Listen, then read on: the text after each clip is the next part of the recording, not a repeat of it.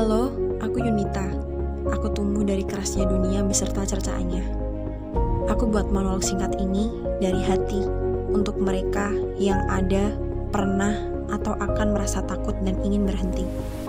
Kita, aku, kamu, dia, dan mereka adalah manusia biasa. Wajar, boleh, dan layak jika kita merasa sedih, takut, kecewa, malas, seperti layaknya orang di luar sana. Kita adalah kita, yang tahu seberapa kuat kita adalah diri kita sendiri.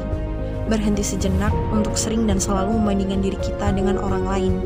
Beristirahatlah, kita butuh waktu untuk melihat apa saja pencapaian kita sejauh ini. Kita harus ingat, kita hebat, sudah ada di posisi sekarang. Lihat kita yang dulu, sudah sejauh ini, jangan menyerah.